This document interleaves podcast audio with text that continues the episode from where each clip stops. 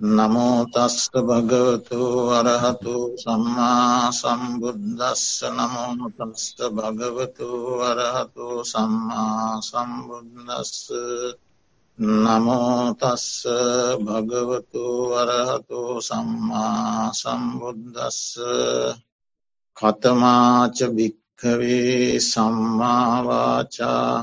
භික්කවේ සම්මාවාචා මුසාවාදාවේරමනී පිසුනාවාචාවේරමනී පරුසාවාචාවේරමනී සම්පප්පලාපාවේරමනී අයං උච්චති භික්හවේ සම්මාවාචාති.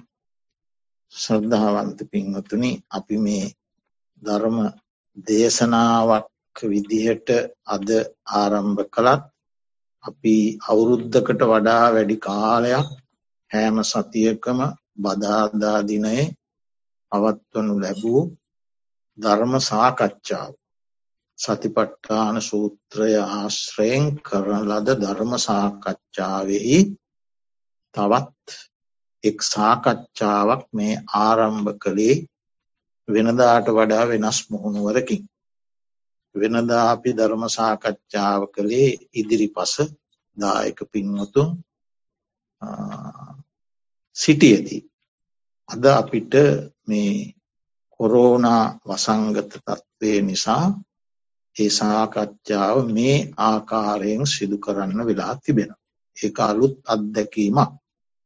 කොහොම වනත් අපට මේ සාකච්ඡාවාරයෙහි නියමිතව තිබුණේ දම්මානු පස්සනා සතිපට්ඨානයට අයත් ආර්ය සත්‍යය කොටසෙහි දුක්ක නිරෝධ ගාමිණී පටිපදා ආර්ය සත්‍යයට අයත් සම්මාවාචා කියන මාර්ගාංගය.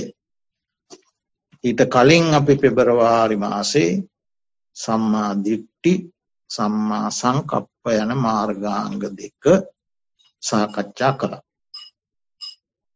එතකොට සූත්‍රපාටයේ තේරුම මහනෙන සම්මාවාචායනු කවරේද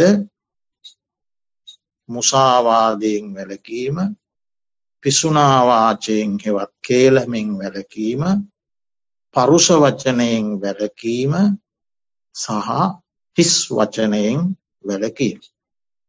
මහනෙන මේ සම්මාවාචායයි කියනු ලැබි. දැන් ඒ සතිපට්ඨාන සූත්‍ර දේශනාවේ තිබෙන ඒ පාටයෙහි අර්ථ අපිට සොයන්නට වෙනවා තවත් දේශනා ආශ්‍රය කරගෙන. මොකද මේ මහාසති පට්ටාන සූත්‍ර දේශනාවේ තිබෙන්නේ සංක්ෂිප්ත කොට දැක් වූ අර්ථයක්. ඒ අර්ථය විස්තරාත්මකව තිබෙන තැන් පිළිබඳ සොයා බලනකොට අපිට හමු වෙනවා මහා චත්තාරීසක සූත්‍ර දේශනාව. දැන් ඒ සූත්‍ර දේශනාව මේ මගේ ළඟ තිබෙන. එහි දැක්වෙනවා එක් කොටසක තත්‍ර භික්කවේ සම්මාධිට්ටි පුබ්බංගමා හෝති. කතංච භික්කවේ සම්මාධිට්ටි පුබ්බංගමා හෝති මිච්චාවාචං මිච්චාවාචාති පජානාති. සම්මාවාචං සම්මාවාචාති පජානාති. සාස්ස හෝති සම්මාධිට්ටි.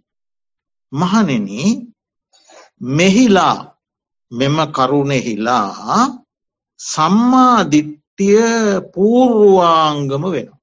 පෙරටුව යනවා මුල් වෙනවා.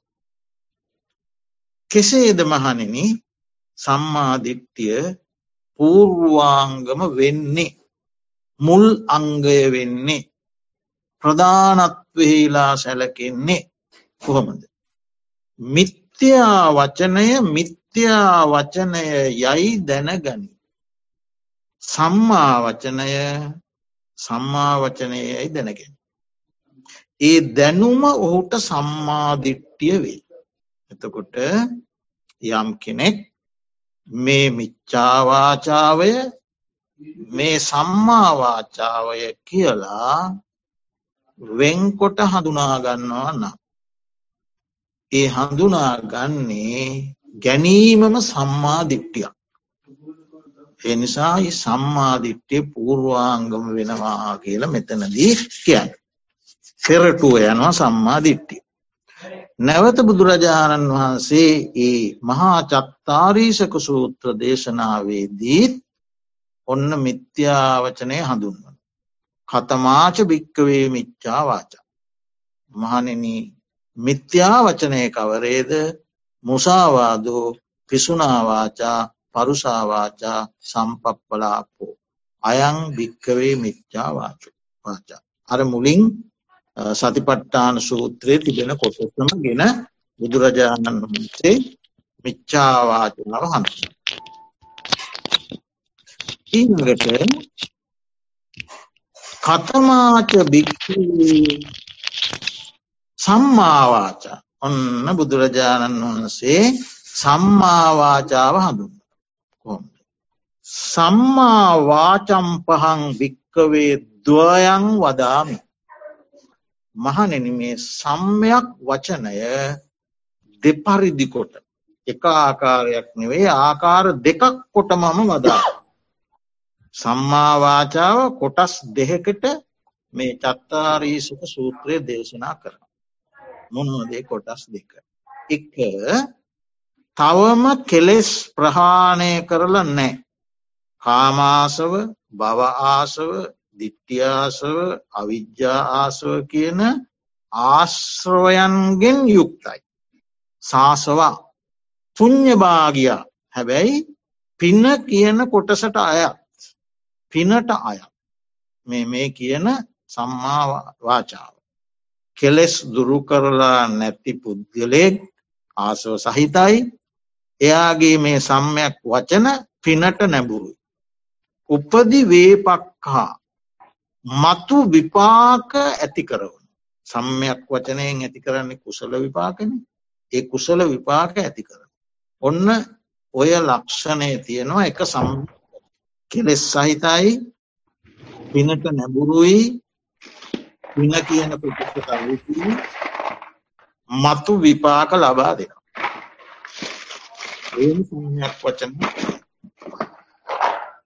ඊළඟට දෙවැනි සම්මාවාචාව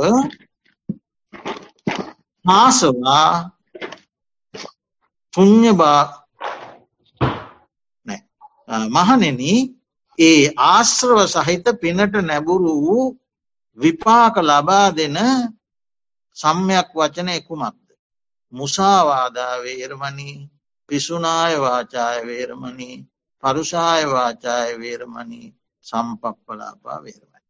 පුරුකීමෙන් වැලකීම කේලාම් කීමෙන් වැලකීම හිස් වචනයෙන් වැලකීම පරුෂ වචනයෙන් වැලකි. ඒ හතර තමයි අර මුලින් කියපු සම්යක් වචනය. ඊළඟට බුදුරජාණන් වහන්සේ දේශනා කරනවා දෙවැනි සම්මාවාචා. ඒ මොකදද?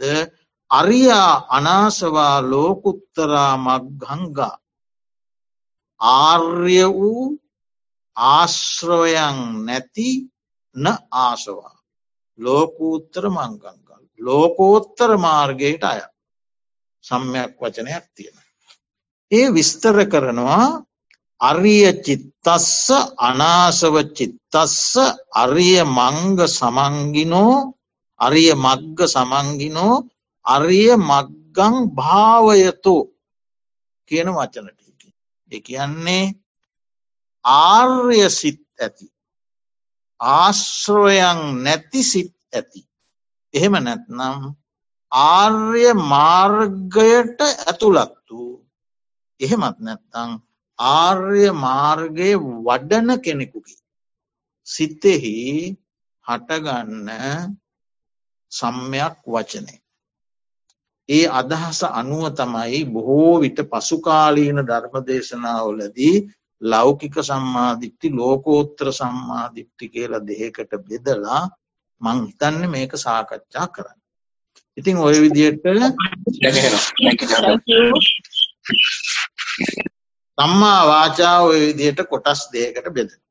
දැන් අපි යනව නැවතත් වෙනත් සූත්‍ර දේශනාවකට. දීගනිකායේ සාමං්්‍ය පල සූත්‍ර දේශනාව.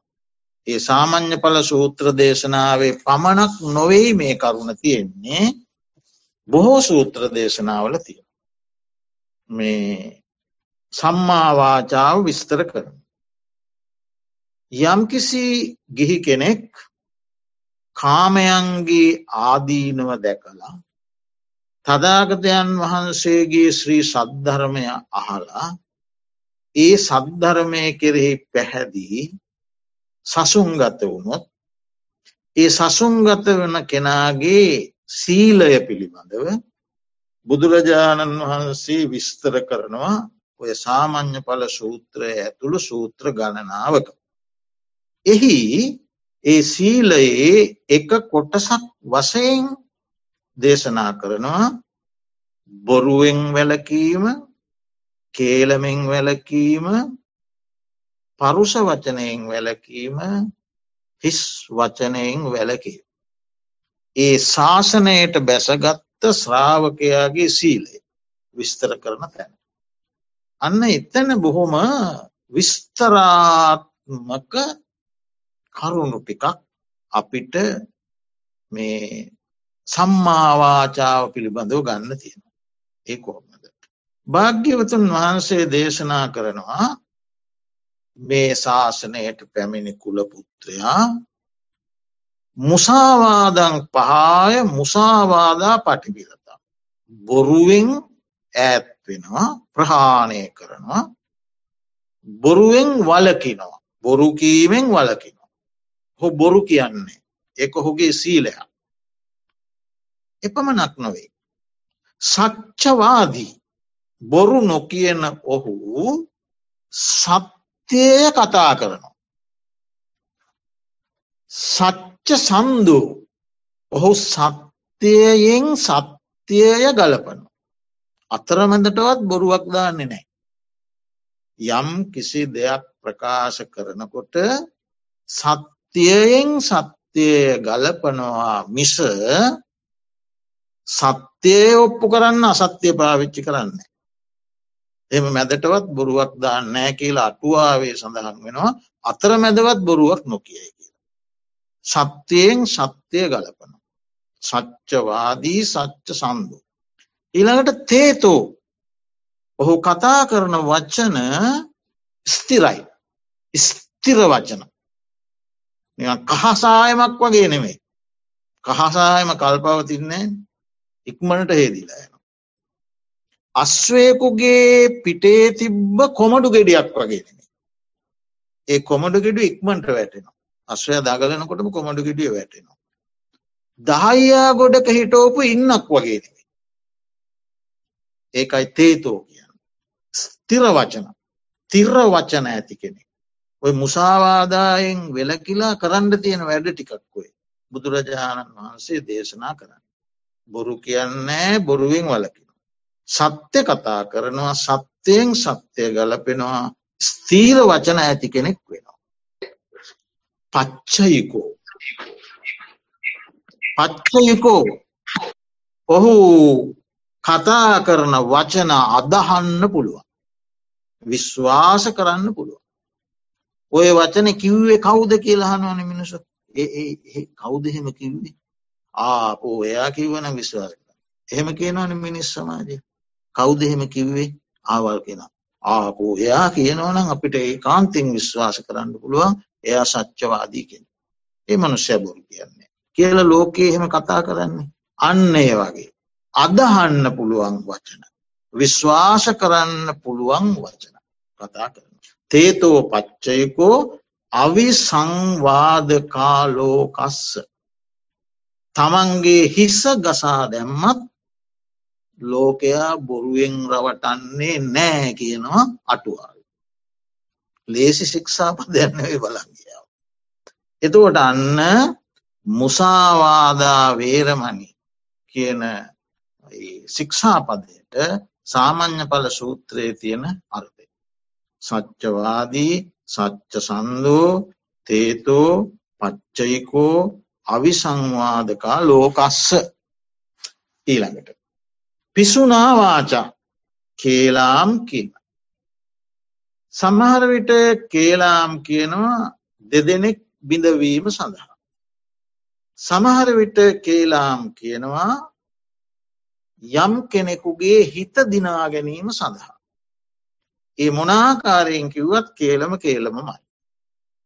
ඉතිං යම් කෙනෙක් බුදුරජාණන් වහන්සේ පිසුනා වාචා කියන වචනය විස්තර කරනවා මෙතැනින් අසා එතැන කියා මෙත්තන බිඳවන්නෙත් නෑ ඔන්න කේලමින් විංවෙන් එහෙමයි.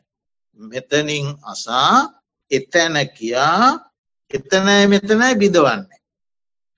එතැනින් අසා මෙතැන කියා එතැන බිඳවන්නෙත් නෑ. එම බිඳ වනවනං ඒක කේලම්. එහෙම බිඳවන්නේ මේ ශික්ෂාපදේ තියෙන ලක්ෂණය. ඕනෝම් බිඳවන්නේ. සමග්ගහාමෝ සමග්ග රතු සමග්ග නන්දි. සමග්ග කරනං වාචං භාසිතා හෝති.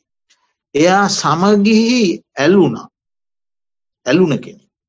සමගි වූවන් දැක සතුටු වන කෙන. ඒ වගේම සමගි වූවන් සමග තමන්ද සතුටුවෙන්ට කැමති සතුටෙන් එන්ට කැමති කෙන. සමගි කිරීම පිණිසම වචන කතා කරන කෙනෙ. ඒ වගේම බිඳුන වූුවන් දැක්කන යම් පිරිසක් බිඳිලා ඉන්නවන් දැක්කනම් බෙදී වෙංවෙලා ඉන්නවනම් දැක්කනම් අසමගි වෙලා ඉන්නවනම් දැක්කනං එයාගේ යුතුකම සහ වගකීම් වසයෙන් එය තේරුම් එරන් ඉන්නවා මගේ වගකීම තමයි බිඳුන අය එකතු කිරීම. බින්නානන්නන් සන්ධාත සහිතානංවා අනුප්පදාත බිඳුන වූවන් සමගි කරනවා සමගි වූවන්ට අනුබල දෙන. අන්න පිස්සුනවාචාවට එටිකයිති. ඊළඟට බුදුරජාණන් වහන්සේ දේශනා කරනවා පරුසාවාචා පරුසාවාචං පහාය පරුසාවාචා පටිවිරතා. එක ප්‍රහාණය කරනවා දුරු කරනවා. එයින් වලකිනෝ වැලකිලා වැලකුණාට මන්ති වැලකින එක බෝම හොඳයි. එක තමයි සීලය. එයාට කරන්න දෙයක් තියෙන ඒ ශික්ෂාපදයට මයිති නේලා කන්න සුකා පේමනීයා හදයංගම පෝරී බහුජනකන්තා බහුජන මනාපා වාචං භාසිතා හෝති. පරුෂ වචනයෙන් වලකින. අනුන්ගේ සිත් රිදෙන කනට අමිහිරි අප්‍රිය වචනයෙන් වලකිනවා. වැලකිලා මොනවදේනම් කතා කරන්න. නේලා නිදොස් වචන දොස් නැති වැරදි නැති වචන. කන්හ සුකා කන්න සුකා කනට සැප්පගෙනෙන මිහිරි වදන් කතා කරන. පේමනීයා පෙම් උපදවන වචන. හද යංගමා හද ගන්නා සුළු. තමන්ගේ හදවත ගන්නා සුළු කියන්න හදවතට සෞම්‍ය ලෙස දැනෙන හදවතේ ප්‍රිය මනාප බව උපදවන වචන කතා කරන. හද යංගමා පෝරී. පෝරී. ග්‍රාම්්‍ය නොව්. ඒන්න ග්‍රාම්්‍ය නොව් කියන්නේ සිිෂ්ට සම්පන්න. සීලාචාර. වචන කතා කරන පෝරී. බහුජන කන්තා බහුජන මනාප බොහෝ ජනයාට ප්‍රිය බොහෝ ජනයාට මනාප වචන කතා කරන පරුෂාවාචා වාචං පහාය පරුෂාවාචා පටිවිරතා. අන්න පසු තියෙන තතාගතයන් වහන්සේගේ ඒ ඉගැන්වීම දේශනාව තමයි ඒ විස්තරය.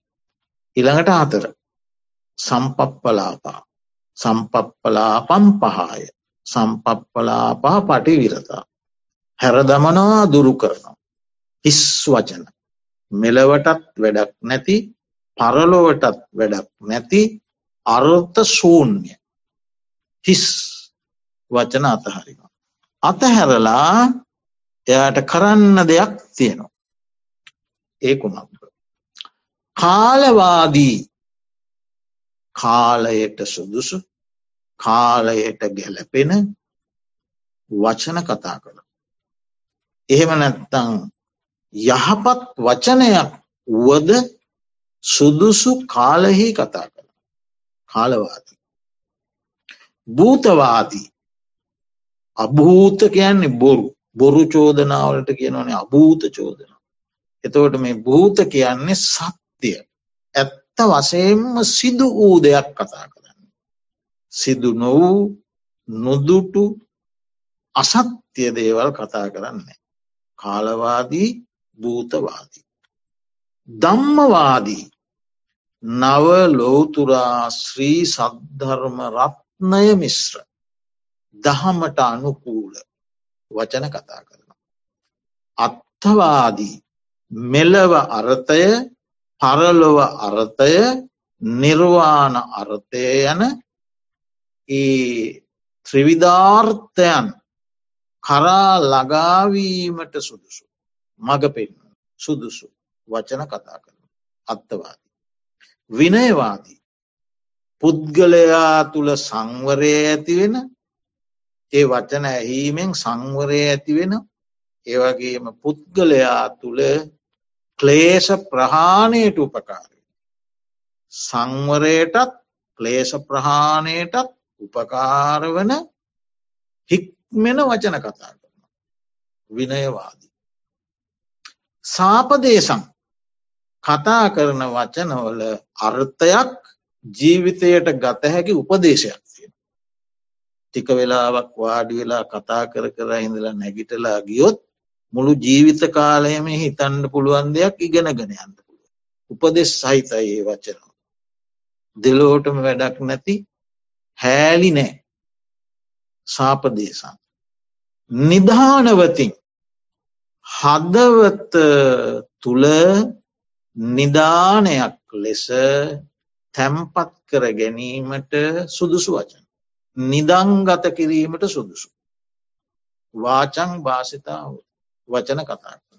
ඔය මම විස්තර කළේ සාමාන්‍ය පල සූත්‍රයේ මේ ශික්ෂා පද හතර මුසාවාද පිසුනාවාච අරුසාවාච සම්ප්‍රප්පලාප කියන ශික්ෂා පද හතරට බුදුරජාණන් වහන්සේ දේශනා කළ ධර්ම කොටසයි.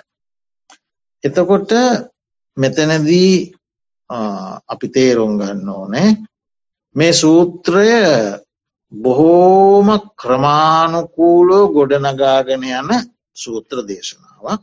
මේක කෙලවර නිර්වාණය. එතකොට ඒ ක්‍රමාණුකූල මාර්ගයේ මූලික අවස්ථාවක් වගේ යන ගිහි ජීවිතයෙන් නික්මිලාව පැවිදි වුණා ඉන්ද්‍රිය සංවර කරගත්තා. ඒ පැවිද්දාගේ සීලය ඒ පැවිද්දාගේ සීලය පිළිබඳවයි බුදුරජාණන් වහන්සේ මෙතැන්දි විස්තන කරන්න. පසේ සීලයෙන් පස්සෙ තමයි එන්නේ ඉන්ද්‍රිය සංවරය ආරයේ පමණ දැනීම ඊළඟට විවේක සෙනසුම් භජනය නිදිවරජිත බව පමණ දැන නිදා ගැනීම ඒම එහෙම පිළිවෙලට ගිල්ල ඉම පස්සෙ තමයි සමාධි ප්‍රඥා විදර්ශනාඥාන අෂ්ට විද්‍යා කෙලවර නිර්වාණය පිළිබඳව පැහැදිවේ. ඒමනම් මෙන්න මේ හික්මෙන තැනැත්තා. සීලය තුළ හික්මෙන තැනැත්තා වාචසික සීලයේදී බොරුකීමෙන් වැලකී කළ යුතු දෙයකුත් තියෙනවා. ඒ දේත් කරන්නට ඕනේ.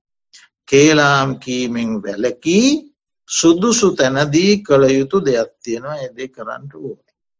හිස් වචනයෙන් පරුෂ වචනයෙන් වැලකී ඒ වැලකීම බෝම හොඳයි ඒ වැලකීන් අනතුරුව කළ යුත්තක් තිබෙන බව අපිට මේ දේශනාව තුළින් පැහැදිලි වෙන. ඉති ඔය විදියට සතිපට්ටාන සූත්‍ර දේශනාවේ මහා සතිපට්ටාන සූත්‍ර දේශනාව ඇතුළු කොට ඇති සච්ච විභංග සූත්‍ර දේශනාව ඇතුළු කොට ඇති බෝ සූත්‍ර දේශනාවල දැක්වෙන සම්මා වාචාව මහා චත්තාරීසක සූත්‍රය ආශ්‍රයනුත් සාමං්්‍ය පල සූත්‍රය ආශ්‍රයනුත් තමයි අද දවසේ අපි මේ කරුණු ටිකක් සාකච්ඡාවට ගනු ලැබී. තිං ඒ නිසා හැකිතා මේ ශික්ෂා පදවල ඇතුළත්ව තිබෙන අරොත්ත ඉගෙන කියාගෙන තේරුම් ගෙන ඒවා ප්‍රායෝගිකව ක්‍රියාත්මක කරන්න හැකිතා තුරට උත්සාවන්තවීම සුදුසුයි කියන එකක් මේ වෙලාවේදී සිහිපත් කරමින් තිං මාස දෙහකට විතර පමණ පස්සෙ තමයි අපි මේ සාකච්ඡාව ආරම්භ කළේ. එය තවත් අපිට මේ මහාසතිපට්ටාන සූත්‍රයේ දේශනාවාර කීපයක් කරන්න ලැබේවි. ඉතිරි වෙලා තිබෙන ඒවා ඉදිරි දිනයක පවත්වන්නට බලාපොරොත්තු වෙන ගමන් මේ අවස්ථාවට සහ සම්බන්ධ ඔබ සියලු දෙනාටමත් නමින් පරලෝසපත් ඥාතීන්ටත් දෙවියන් සහිත ලෝකයාටත් අමාමානිර්වාණ ශෝසනන්තිය පිණිස හේතුවාසනාවිත්වා කියන පාර්ථනාවෙන් දෙවියන්ට ඥාතුන්ට පින්ගුණෝදම් කරමු. ආකාසොට්ටාජබුම්මට්ටා දේවානාගරම්තිකා පුුණ්ඥන්තන් අනුමෝදින්වා චිරන්දක්වන්තු ශාසනං ආකාසට්ටාජබුම්මට්ටා දේවානාගාමයින්දිකා පුුණ්ඥන්තන් අනුමෝදිත්වා චිරන්රක්කන්තු දේශනං ආකාසට්ටාජබුම්මට්ටා දේවානාගා මහින්දිකා පුුණ්ඥන්තන් අනුමෝදිත්වා චිරන්රක්කන්තු නම් පරන්තිී. ඉදම් මේ ඥාතිනං හෝතු සුපිතා හන්තු ඥාතයෝ. ඉදම් මේ ඥාතින් හතු සුපිතා හන්තු ඥාතයෝ. ඉදම් මේ ඥාතිනං හතු සුපිතා හන්තු ඥාතයෝ.